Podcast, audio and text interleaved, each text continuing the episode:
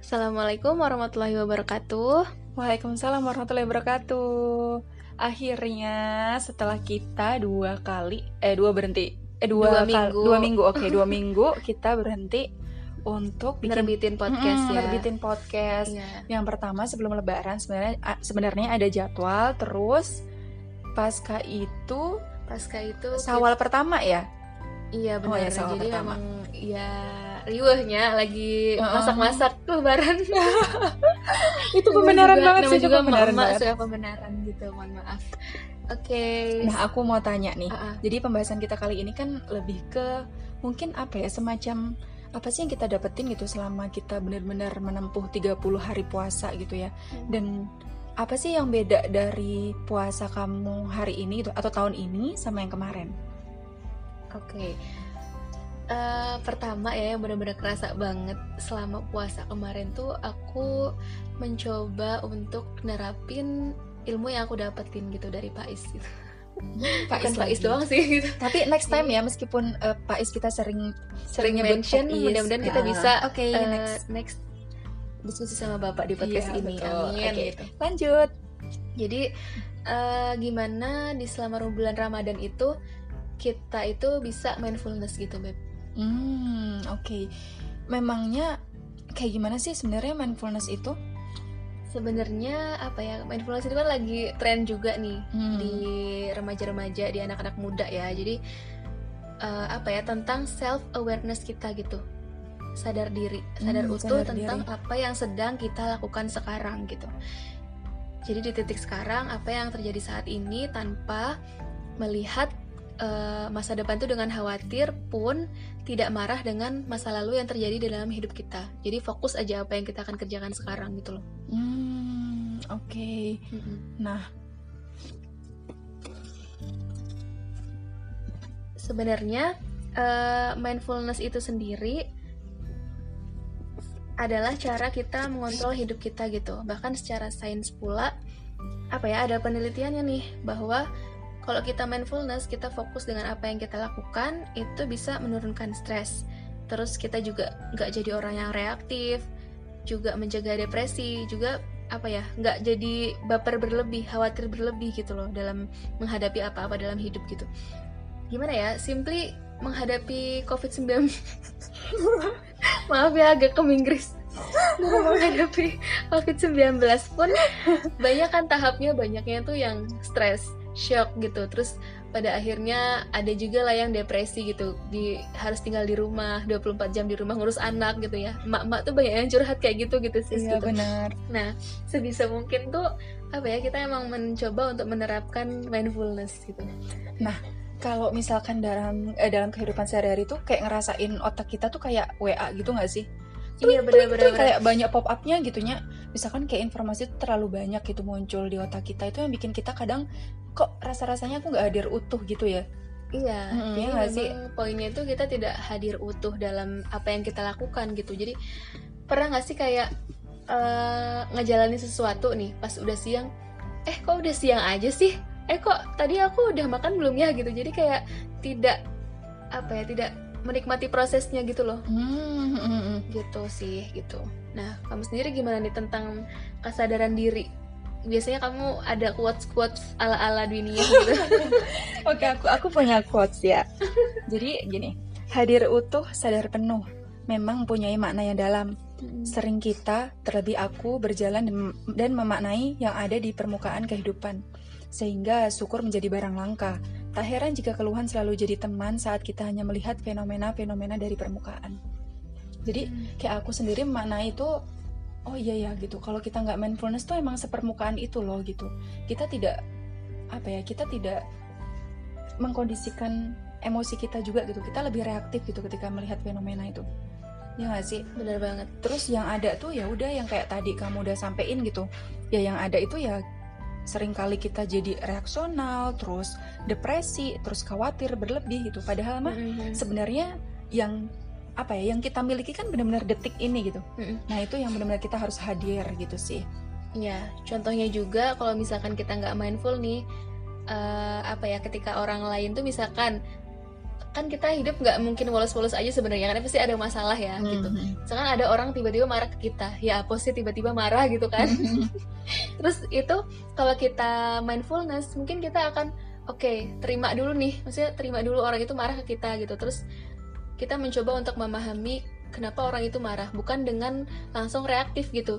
Marah balik ya nggak sih? Sebenarnya respon respon alamiah itu kalau dimarahin kan kita kayak apa sih gitu. Tapi sebenarnya coba kita pahami dulu gitu. Maksudnya uh, bagaimana untuk menyikapi orang yang sedang marah gitu ya.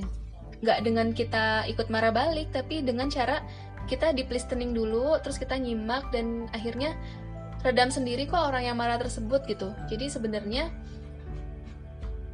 marah balik itu nggak menguntungkan kita loh tidak mindfulness itu juga merugikan kita sendiri itu akhirnya kita juga nyesel ketika kita marah balik gitu gak sih iya benar mm -hmm. sama ketika gini sih kalau misal pas kamu marah nih mm -hmm. terus kan aku jadi kayak ya Allah aku tuh lagi pengen apa ya tenang gitu terus kamunya kan tiba-tiba marah nah yeah, yeah. kalau aku reaktif gitu karena aku nggak mindfulness dengan kondisi itu ya aku langsung marah dong ke kamu gitu yeah. udah kamu mah tiba-tiba marah aja gitu nah di sana tuh ketika memang pada akhirnya aku tuh bisa ngamatin kamu gimana ya? Nyimak kamu gitu. Mm. nah itu tuh pasti kamunya juga ada di titik ya Allah aku nyesel banget kok bisa ya aku marah segitunya gitu. Jadi karena memang dia disimak banget tuh karena kita juga hadir utuh gitu di saat dia marah tuh kita jadi mikir eh bentar dulu kok aku jadi marah kayak gini banget? Gitu. Sementara dia ngelihat ekspresi kita tuh yang tenang gitu loh. Iya. Nah, jadi nyesal sendiri juga yang marah itu untuk marah-marah kita gitu. Benar, benar. karena dia lagi gak mindfulness saat itu. Sama ini nih sama soal case yang rebahan. Yang hmm. lagi males banget tuh. Kayak gimana tuh kalau kayak gitu? Iya jadi uh, mindfulness itu bukan tentang apa ya untuk kita tidak melakukan sesuatu juga tapi untuk mengontrol apa yang kita lakukan juga. Jadi hmm. ketika kita rebahan aja berarti kan kita lagi nggak mengontrol apa yang kita lakukan gitu.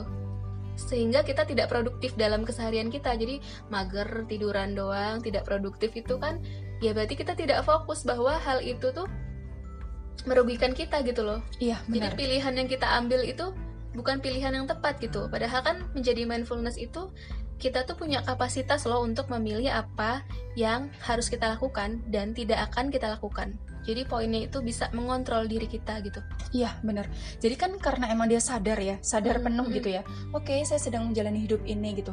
Sedang menjalani kok kita jadi rebahan.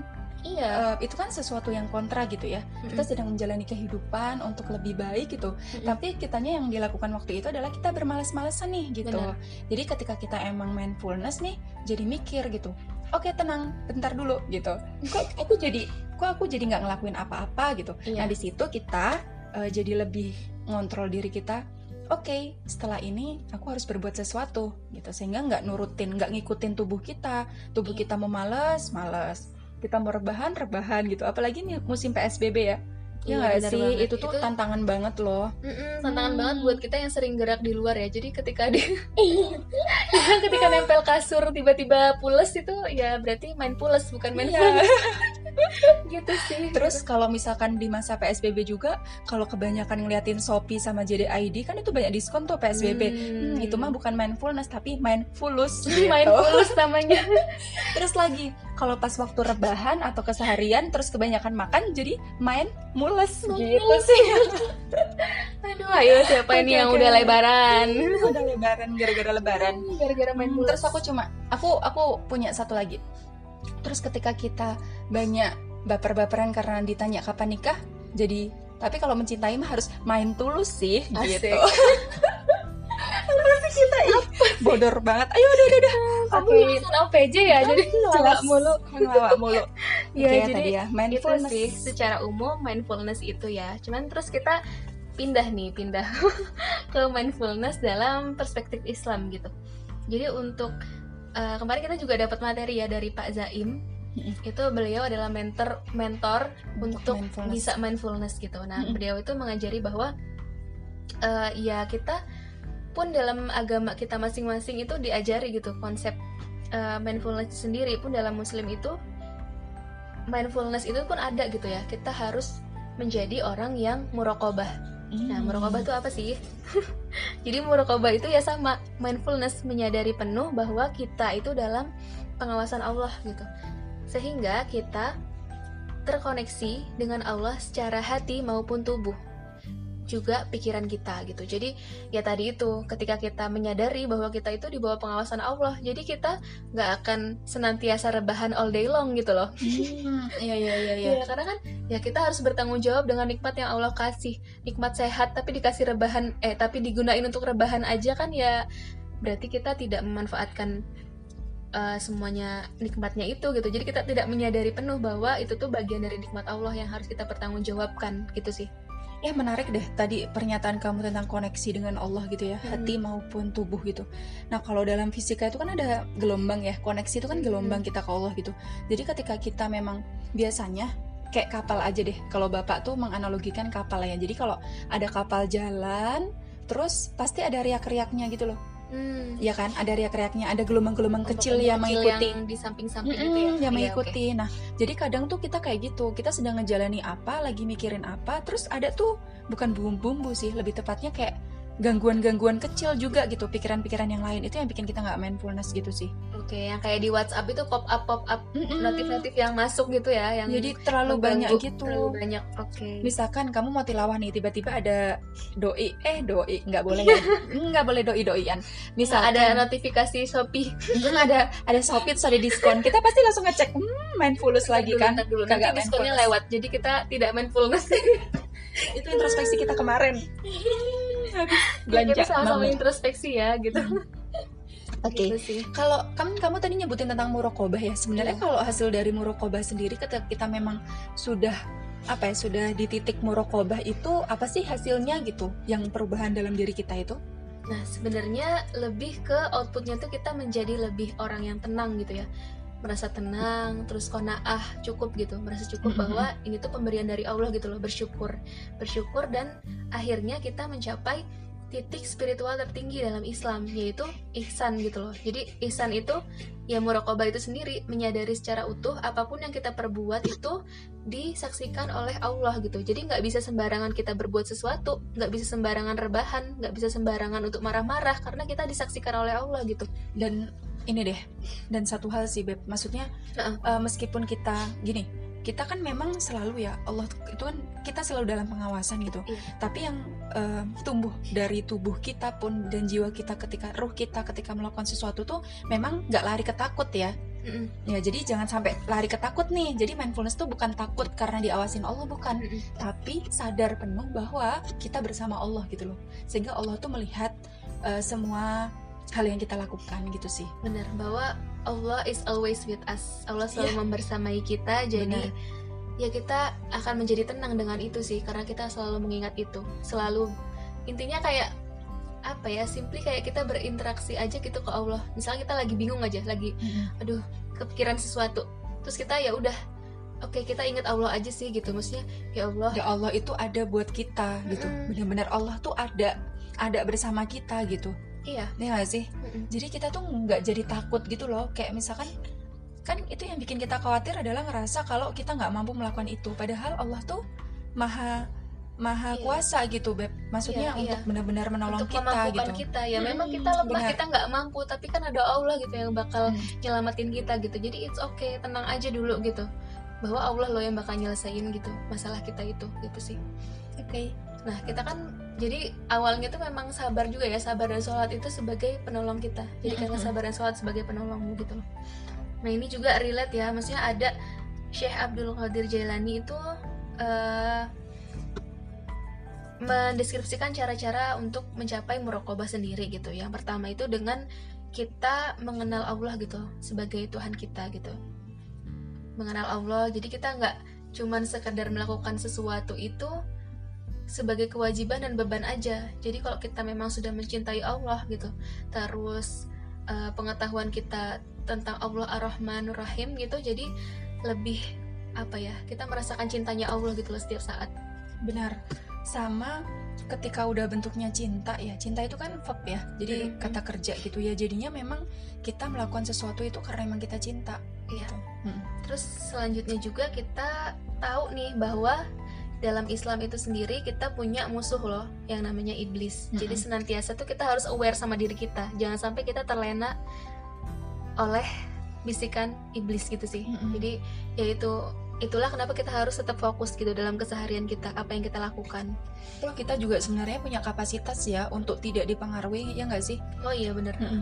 karena sebenarnya bisikan setan itu sangat lemah gitu jadi Mm-mm. tergantung kitanya gitu mau Kitanya. mindfulness atau enggak gitu Iya. dan ketika kita mindfulness ya itu tadi ya karena terkoneksi gitu ya kita Hmm. terkoneksi dengan Allah nggak cuma hati tapi juga em, apa namanya tubuh Pikiran kita tubuh gitu ya. kita. Gitu. Jadi insya Allah gitu kayak ketika udah mau meleng nih ya mak-mak kan suka meleng tuh. Kita maksudnya kita kan suka meleng ketika ada pemberitahuan gitu. Ada notifikasi. notifikasi diskon. Tentang ah, diskon kan udah mau meleng nih. Eh tapi hmm, lagi nih ke Oke, tujuan lagi mindfulness. gitu. ini sebenarnya penting atau enggak gitu gitu kan ya. Iya, Terus benar.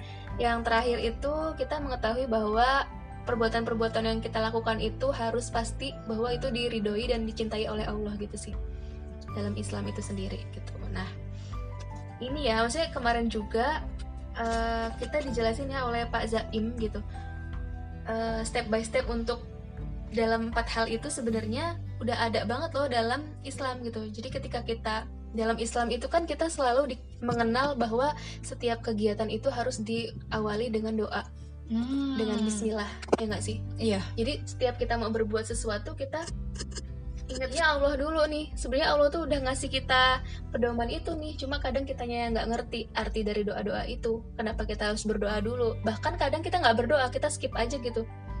Lakuin lakuin aja lah. Toh udah rutinitas, ya nggak sih? iya benar Heeh. bahkan kalau itu kan ceritanya Pak Zaim itu kan Mm-mm. ada yang lucu tuh ada Hmm. murid yang lagi mau nemuin gurunya di goa Oh iya. Nah, terus lucunya itu kan dia kan main dia kan diminta tuh nemuin mentornya. Ya Mm. udah akhirnya kan dia nemuin mentornya atau gurunya gitu. Terus pas udah tuh dia buru-buru kan Hmm. buat masuk ke gua itu. Terus pas pertama hal yang yang ditanya apa namanya oleh si gurunya gitu ditanya bentar dulu kamu tadi ketika masuk gua pakai pakai kaki kanan atau kiri? Terus dia tuh kayak yang oh iya ya tadi gue pakai bukan gue ya Eh, gimana ya aku tadi pakai pakai kaki kanan apa pakai kaki kiri gitu. Sementara kalau dalam Islam pun ya kita mau masuk masjid atau kita mau keluar rumah itu kan selalu kita ada doanya gitu loh Iya. Nah, saking di Islam tuh benar-benar terjaga sekali gitu, bahwa mindfulness itu sudah menjadi ruhnya Islam. Iya. Pun kaki Mm. melangkah itu juga dikasih tuntunannya ya. Bahwa Hmm. kalau ke tempat-tempat baik kaki kanan, terus ketika ke kamar mandi atau ke tempat-tempat yang eh, kurang baik gitulah Mm. ke- ke- dengan kaki kiri gitu loh. Maksudnya Iya. memang ya itu adalah step kita untuk mindfulness gitu loh. Di dalam tatanannya sendiri itu kita disuruh untuk mindfulness sama Allah gitu. Luar Benar. biasa. Dan ada satu hal sih, Beb, kayak misalkan aku dulu waktu kecil, waktu TK kan ada tuh lagu tentang wudhu ya. Jadi Ah. pas waktu wudhu tuh benar-benar kayak ku, ku basuh muka kayak ada gitu ketika ku basuh muka maka hilangkanlah kesombonganku Hmm. terus ku apa namanya ku basuh tangan Tangan. terus uh, terus habis itu ku cuci apa namanya kepala gitu ya mengusap kepala itu untuk benar-benar peruntuhkan mahkota kecongkakan gitu. Dan ketika membasuh kaki itu kayak ya Allah tuntunlah gitu segala amal ibadahku gitu. Kayak itu apa ya? Kayak semacam iya loh bener ketika kita wudhu pun yang tuntunannya adalah kita muka dulu. Padahal di muka itu benar-benar kita itu kayak membersihkan diri. Oh iya ya ternyata penglihatan kita mungkin seharian habis ngelihat cowok ganteng. Eh salah. Terus habis itu misalkan nih nggak nggak bercanda. Nggak bercanda, Hmm, guys. bercanda ya guys. Terus misalkan nih gitu kan kalau di muka juga ada mulut gitu. Dalam hal ini lisan kita mungkin sering kali tak terjaga gitu. Terus ketika telinga gitu. Telinga kan kita mungkin mendengar hal yang tidak patut untuk didengar. Hmm. teman kita ngegibah eh kitanya meleng juga ikutan gitu. Kayak hal-hal kayak gitu Oh sih. iya benar benar benar. apalagi tangan ya tangan kita kan kita nggak tahu ya. Kayak kita melakukan sesuatu banyak hal kan dengan tangan. Barangkali kita mengambil hak orang lain gitu. Mm-mm. dan kita terakhir adalah diminta untuk nyuci Kaki. cuci kaki dan itu ada doanya gitu ya dalam hal ini kan semuanya ada doanya wudhu itu dan ketika kita mencuci kaki bahwa kita sadar penuh nih kita mindfulness ya Allah tuntunlah lo gitu karena memang kaki kita ini yang eh, apa ya yang sering mengantarkan kita atau menentukan nih kaki kita mengantarkan kita ke mana ke majelis ilmu kah ke teman-teman yang baik kah atau ke pergaulan yang justru membuat kita ya banyak gegibahnya gitu sih Mm-mm. ya nggak Iya. Mm-mm. Jadi emang kita diingetin banget ya bahwa wudhu itu nggak sekedar kewajiban Mm-mm, loh sebenarnya. benar. Bahwa Allah tuh ngasih waktu kita buat relax, buat memikirkan lagi bahwa ya kita tuh harus kembali fitrah lagi gitu loh. Maksudnya dengan dosa-dosa kita, kita banyak relax, eh, relaksasi gitu dengan segala kepenatan diri kita. Pun juga itu relate ke sholat ya iya benar banyak apa ya problematika muslim gitu ya yang aku lihat itu bahwa sholat itu hanyalah kayak kewajiban gitu. Terus banyaknya tuh kayak intervensi aja gitu. Kayak hmm. beban gitu loh buat ngelakuinnya. Ya nggak sih? Kayak iya. kalau bisa entar entar aja deh gitu kalau sholat teh gitu. Padahal kan sholat itu hadir untuk fasenya kita tuh untuk memberi jeda gitu loh, memberi jeda kepada kita untuk istirahat lagi, mindfulness, bersyukur lagi, mengingat Allah lagi gitu. Dan itu memang hal yang kita butuhkan gitu, karena kan seharian tuh kita ngelakuin hal-hal yang rumit, duniawi yang melelahkan gitu ya. Terus kita disuruh sama Allah buat ayo wudhu dulu, sholat dulu, tenangkan dulu pikiranmu gitu, supaya kamu setelah sholat itu lebih produktif lagi, lebih bener lagi nih otaknya, jadi nggak asal jalan gitu loh. Jadi memang sesuai dengan apa yang Allah kehendaki gitu. Sama misalkan dengan dengan apa ya amanah-amanah dunia gitu ya amanah-amanah dunia itu kayak gimana ya? Maksudnya kayak kerjaan gitu. Kan pasti rumit banget ya gitu. Terus dengan ketiga apa ya pasti ada rasa di mana ya Allah berat banget gitu. Terus kita kan kita ada fikih sholatnya gitu ya. Yeah. ketika yang pertama kita lakukan adalah niat ya. Hmm. niat gitu. Jadi niat di situ tuh benar-benar ya Allah hari ini ya sholat gitu. Benar-benar sholat menghadap ke Allah gitu. Setelah itu kan kita takbir ya. Allahu Akbar. Allahu Akbar gitu ya. Itu benar-benar kayak apa ya kita benar-benar mengakui gitu bahwa tangan kita kan menghadap ke kiblat gitu kan. Jadi benar-benar ya kita sedang apa ya menghadap zat yang sangat apa ya zat zat terkuat gitu. Mm -hmm. ya yang maha kuat yang maha kuasa gitu. Jadi seluruh hal yang mungkin kita rasa berat dalam sehari itu itu tuh benar-benar gak ada Gak ada apa-apanya, apa -apanya gitu ya nggak sih? Iya benar banget. Benar-benar ya Allah gitu. Kalau kita mau maknai setiap bacaan sholat gitu ya, mm -mm. bisa dicek setiap deh, gerakan sholat itu tuh benar-benar luar biasa gitu. Dan kalau kita mau mindfulness gitu dalam sholat gitu, itu luar biasa banget. Bahkan banyak ya mengaitkan mindfulness itu dengan meditasi gitu. Mm -mm. Padahal sholat itu loh itu tuh meditasi yang lebih kompleks lagi. Hmm. bagaimana kita bisa mengsinkronisasikan gerakan tangan kita gerakan bacaan kita gitu. Terus hati kita yang terus terkoneksi sama Allah gitu sih. Pikiran kita yang tetap fokus gitu dengan bacaan-bacaan sholat. Itu tuh bener-bener mindfulness dan meditasi yang tertinggi. Jadi kalau kita bisa khusyuk dalam sholat itu artinya kita udah latihan nih untuk fokus mindfulness dalam kehidupan kita gitu sih. Makanya Allah tuh benar-benar ngelatih kita untuk mindfulness disiplin gitu. Kan sholat itu juga pakai waktu ya. Iya benar. Jadi aku ingat banget juga Agim tuh pernah bilang uh, gurunda kita Agim pernah bilang bahwa sholat itu eh apa ya kegiatan kita di sela-sela waktu sholat itu hanya menunggu waktu sholat, waktu sholat. Mm -mm. gimana sih? Pokoknya gitulah ya. Aktivitas kita tuh sebenarnya untuk menunggu aktivitas, aktivitas yang kita lakukan mm -hmm. di luar sholat itu untuk menunggu waktu sholat gitu benar gitu ketemu Allah gitu ya. Mm -hmm. karena kalau diibaratkan itu memang ketika kita sholat itu kayak ketemu mata air. Mm, iya. kita haus ya habis melakukan aktivitas banyak hal gitu. Terus kita kayak benar-benar ya Allah kita ketemu mata air lagi gitu. Mm. kita menemui zat yang benar-benar itu tuh sumber dari semua yang ada gitu loh. Gimana sih? Kita kayak emang menemui pencipta kita gitu dan memang kita sedang menghadap gitu ya Allah ini loh pertemuan yang benar-benar aku rindukan gitu jeda atau istirahat yang sehingga kan uh, Rasulullah pun sholat itu jeda atau istirahat buat beliau kan hmm. karena sebenarnya ketika kita benar-benar mindfulness kita pun juga mengatur gelombang otak kita gitu hmm. jadi kalau misalnya teman-teman aduh ini fisika lagi ya gelombangnya kan ada cosinus gitu ya cosinus yeah. itu yang ini nih gelombang tali gitu ya yang turun ke bawah terus ada gunung ada bukit gunung lagi bukit yeah. lagi gitu ya kalau teman-teman bisa apa kayak namanya? simpangan mm, kayak simpangan gitu. Nah terus kalau misal dengan mindfulness itu gelombangnya itu kayak distabilkan di tengah gitu. Hmm. nah jadi kita tuh tenang banget di sana. Kita tuh benar-benar real kita hadir utuh sadar penuh gitu bahwa kita sedang menghadap zat yang maha kuasa gitu. Benar-benar yang zat zat terkuat gitu. Zat yang paling besar gitu. Jadi kayak benar-benar apa ya sumber mata air gitu. Gitu. Jadi itu yang bikin kita benar-benar tenang dan itu istirahat buat Rasulullah. Karena gelombang otaknya pun udah gelombang yang sangat apa namanya stabil sekali gitu. Stabilnya tuh dalam hal ini tuh nol gitu loh. Kayak benar-benar nggak kosong ya. Karena kalau dalam sholat kusuk kan memang kita membaca doa ya. Justru di sanalah ada dialog antara kita sama Allah gitu. Iya. Mm -mm. Jadi memang bagaimana hati, tubuh dan pikiran kita difokuskan ke Allah mm -hmm, gitu, bukan benar. yang kosong ya gitu. Mm -hmm. Jadi memang sebisa mungkin untuk fokus gitu sih.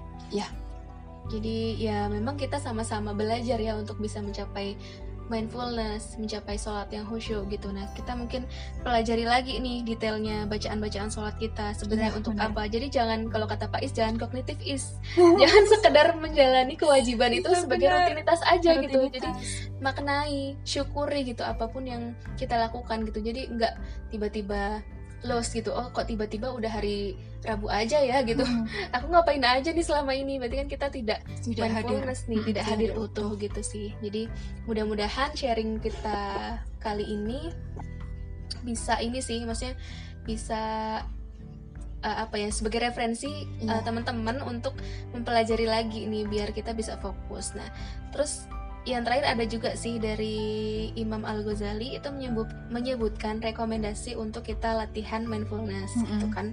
Yang pertama tadi sama ya berdoa, terus yang kedua itu dengan senantiasa berzikir. Aku mau nambahin deh yang berdoa. Berdoa tuh kita juga memahami arti. Itu penting banget. Iya uh, yang tadi itu ya, ya uh, tadi. kita setiap kegiatan kita itu harus berdoa dulu dan kita harus memaknai doanya itu apa. Apakah kita meminta perlindungan dari Allah ketika keluar rumah gitu kan dan segala macam gitu. Terus berzikir itu senantiasa mengingat Allah di setiap waktu kita gitu. Bukan hanya zikir lafaz ya gitu tapi memang menyadari bahwa Allah membersamai kita lalu membaca dan mentadaburi Al-Quran jelas ya sama yang terakhir karena itu adalah pedoman hidup hmm. sama yang terakhir itu kontemplasi atau muhasabah kalau dalam benar-benar gitu. kita memohon ampun gitu ya ke Allah hmm. gitu nah terus kemarin aku apa ya dapat insight juga nih dari buku The Productive Muslim. Jadi sebenarnya bagaimana sih produktif itu gitu? Apakah produktif itu kita harus kerja terus selama hmm. seharian gitu ya harus yang benar-benar semuanya itu digarap gitu dalam satu hari seharian full gitu. Nah sebenarnya bisa loh kita kan kita bukan robot ya kita kan manusia. Jadi ada waktu di mana kita tuh lelah dengan segala aktivitas kita. Kita butuh hal waktu-waktu yang tenang gitu. Jadi rekomendasinya itu bahwa di waktu pagi setelah sholat subuh ya pagi-pagi itu kan subuh itu waktu di mana malaikat tuh pada nongkrong. Pada, pada turun gitu ya ke bumi nongkrong di bumi gitu lah ya. Jadi itu adalah waktu yang terbaik bagi kita untuk banyak-banyak berdoa. Banyak-banyak mengingat Allah. Sehingga ya memang itu waktu-waktunya mustajab gitu. Udah malaikat pada pada mendengar doa kita gitu ya. Mm-hmm. jadi memang itu waktu yang direkomendasikan untuk kita melakukan mutabaah doa-doa gitu. Nah terus setelah sampai waktu duha kan itu sholat duha ya sholat duha and then kita baru melakukan aktivitas yang challenging karena itu adalah waktu pagi waktu hmm. pagi itu adalah waktu kita di mana masih fokus benar-benar yang benar-benar apa ya masih fresh gitu ya fresh mm -hmm. mikir tuh masih enak gitu ya gak sih mm -hmm. ngerasanya Bener. terus sampai siang siang kita istirahat sholat zuhur refresh lagi and then kita melakukan aktivitas lagi tapi mungkin bisa yang nggak terlalu banyak berpikir tapi mungkin lebih ke yang administratif gitu terus yang pengorganisasian dan segala macam gitu. Jadi lebih ke situ terus sampai asar kita istirahat lagi dan mungkin bisa diisi dengan setelah waktu asar itu waktu-waktu kita berkreasi waktu-waktu memunculkan ide. Misalkan kita bikin konten podcast ini tapi ya uh, tapi kadang pemuda uh, uh. tuh suka suka terbalik tuh. Jadi kalau malam hari suka begadang katanya ide-ide tuh pada bermunculan tah eta. Hmm, nah sebenarnya ketika malam hari itu kan udah ditulisin ya sama Allah gitu. Hmm. bahwa malam itu sebagai waktu istirahat. Ya nggak sih? Hmm. malam itu adalah waktu kita istirahat. Jadi ketika kita malam itu nggak istirahat berarti kita menyelisihi apa yang Allah udah tuntunkan kepada kita gitu. Meskipun ya begadang kalau sebenarnya begadang itu boleh. Apa ya? Begadang itu boleh asalkan memang bermanfaat gitu apa yang kita lakukan. Jadi jangan sampai kita begadangnya tidak berfaedah. Misalkan kita hmm, ngapain ya? Yang tidak berfaedah. Aku mau nyebutnya nggak enak nih. Misalkan kita nonton nonton hal-hal yang gak baik gitu misalkan sampai sampai pagi gitu ya dari malam sampai pagi. Nah itu kan hal-hal yang merugikan kita sendiri gitu sih. Berarti kan kita nggak mindfulness kita nggak mengontrol diri kita untuk melakukan hal yang bermanfaat bagi kita gitu loh. Gitu sih. Jadi sebisa mungkin malam itu adalah waktunya kita uh, kalau ada keluarga kita ngobrol sama keluarga terus then istirahat gitu sih. Jadi memang siklusnya tuh seperti itu supaya kita lebih produktif gitu sih. Hmm, keren keren keren kalau itu yang aku dapat dari buku The Productive Muslim ya. Jadi nggak mm -hmm. setiap waktu tuh kita ngegas. Nggak setiap waktu kita ngegas tapi produktif itu tentang kita pemanfaatkan waktu kita. Ya sebaik mungkin. Sebaik mungkin dan fokus tadi mindfulness. Mm -hmm. jadi harus mindfulness dengan apa yang kita lakukan. Jadi hasilnya pun optimal gitu loh. Mm -hmm. gitu. Jadi nggak yang misalkan kita pengennya semua tergarap nih. Jadi kita ala ala multitasking gitu loh. Mm -hmm. padahal hasilnya buyar semua. Ujung-ujungnya nggak ada yang goals gitu kan juga nggak baik yeah, sebenarnya yeah, gitu sih gitu. Mungkin lebih ke reverse to ini ya apa namanya bahwa eh ada motor. ada iklan, ada iklan motor. Jadi kalau misal mindfulness juga tuh aku lupa mau ngomong apa. Mungkin dia lelah. Udah kelamaan udah tiga udah 30 menit ya gitu. Nggak mindfulness. Astagfirullahaladzim. mindfulness oke emang kita memang sih itu PR banget ya tapi mm -hmm awal start kita untuk menjadi mindfulness kan kita harus tahu nih gimana caranya untuk mindfulness gitu loh. Makanya kita ya sharing tentang ini gitu supaya kita juga makin memahami lagi sih bagaimana mindfulness itu gitu. Bahwa memang untuk memahami ilmu itu kita ya harus nulis kita harus sharing hal itu gitu sih. Itu adalah value kita ya nggak sih sis? Iya benar. Untuk memahami sama itu. mungkin aku ada pesan ya buat nutup hari ini gitu. Kalau mm -hmm. kalau aku sih lebih pengen ke relate ke pandemi sekarang ya gitu. Iya apa sih hubungannya gitu? Gimana sih kita cara mindfulness di saat pandemi? Kan kita ngomong tadi mindfulness adalah koneksi kita ya koneksi kita ke Allah gitu secara apa namanya tadi tubuh dan juga kolbu gitu hati kita yeah. gitu bahwa gini kalau misalkan hari ini kita memilih untuk apa yang ngeluh gitu dengan kondisi yang apa ya serba terbatas gitu ya kita nggak bisa ke mana-mana gitu. Terus kalau pas di rumah juga suka bosen terus kayak kita mikir dengan kebijakan pemerintah yang apa ya bahasanya mungkin kalau sekarang yang rumit misalkan hati. Misalkan hati. Maksudnya emang berubah-berubah terus iya. kan gitu.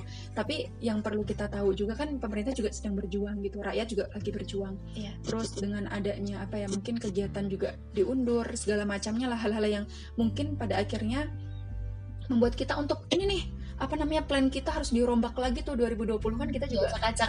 Diacak-acak lagi gitu kan dengan adanya pandemi itu. Nah mungkin kita tuh apa ya sempat depresi dan sebagainya. Tapi ingat lagi gitu kalau misalkan kita hari ini gitu ya sekarang ini di masa pandemi ini kita buat untuk kita nggak sadar penuh nih kita sedang menjalani pandemi. Di masa pandemi misalkan. Yang kita lakukan adalah ngeluh setiap hari dan sebagainya. Mungkin apa ya itu akan menjadi kita kehilangan hari-hari kita ya enggak hmm. kita tidak tidak menikmati proses kita yang saat ini. Hmm. saat proses kita berjuang gimana kita di rumah tuh lebih banyak. Yang dulu nunggu-nunggu kalender apa ya tanggal merah gitu sekarang dibuat sama Allah tuh bahasanya dengan PSBB ini juga gitu ya.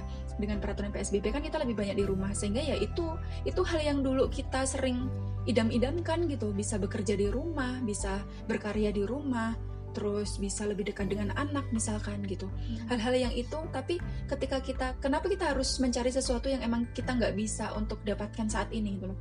Ya kita sadar penuh bahwa oke okay, hari ini aku memang terbatas untuk mobilitas ke mana pun tapi pada dasarnya kita tadi ya kita harus bisa mengontrol diri kita untuk ngikutin mana yang baik Contohnya, ya kalau misalkan ngikutin yang baik, ya kita nggak ngeluhnya. Tapi apa yang bisa kita lakukan di masa pandemi ini?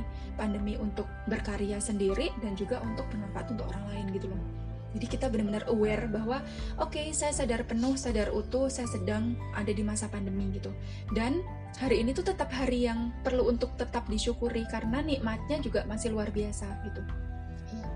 Kita nggak pernah alfa kan gitu. Kita nggak pernah nggak pernah nggak pernah kurang nikmat gitu loh kan Iya, bahkan yang terjadi hmm. itu sebenarnya bisa lebih buruk daripada yang sekarang kita jalani loh gitu. Tapi Allah nggak memberikan keburukan itu di dalam hmm. hidup kita hmm. gitu. Bener, Jadi kita bener. patut banget bersyukur gitu. Banyak loh orang-orang yang lebih lebih terguncang di masa pandemi ini dibandingkan kita gitu. Tapi kita masih bisa hidup, masih bisa makan, masih bisa hmm. tinggal di rumah gitu. Dan itu patut banget untuk disyukuri sih gitu. Iya. Jadi Bismillah ya teman-teman semuanya. Kita tetap jaga koneksi kita ke Allah dengan cara benar-benar hadir utuh, sadar penuh melalui mindfulness. Nanti teman-teman bisa apa ya ketika tadi ada saran untuk berdoa terus berzikir terus ada membaca Al-Quran muhasabah intinya adalah kita benar-benar sadar penuh bahwa kita sedang menjalani hari ini detik ini kita punya menit ini gitu.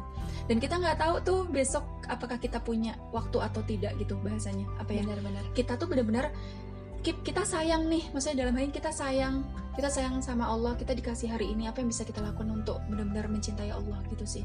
Iya. Kita hadir penuh. Dah itu aja sih paling ya. Dan selamat untuk belajar terus untuk mindfulness. Sekarang kita pun juga belajar ya benar gitu. banget. Ha-ha. ya Oke, gitu. gitu aja. Kita akhiri. Wassalamualaikum warahmatullahi wabarakatuh. Waalaikumsalam warahmatullahi wabarakatuh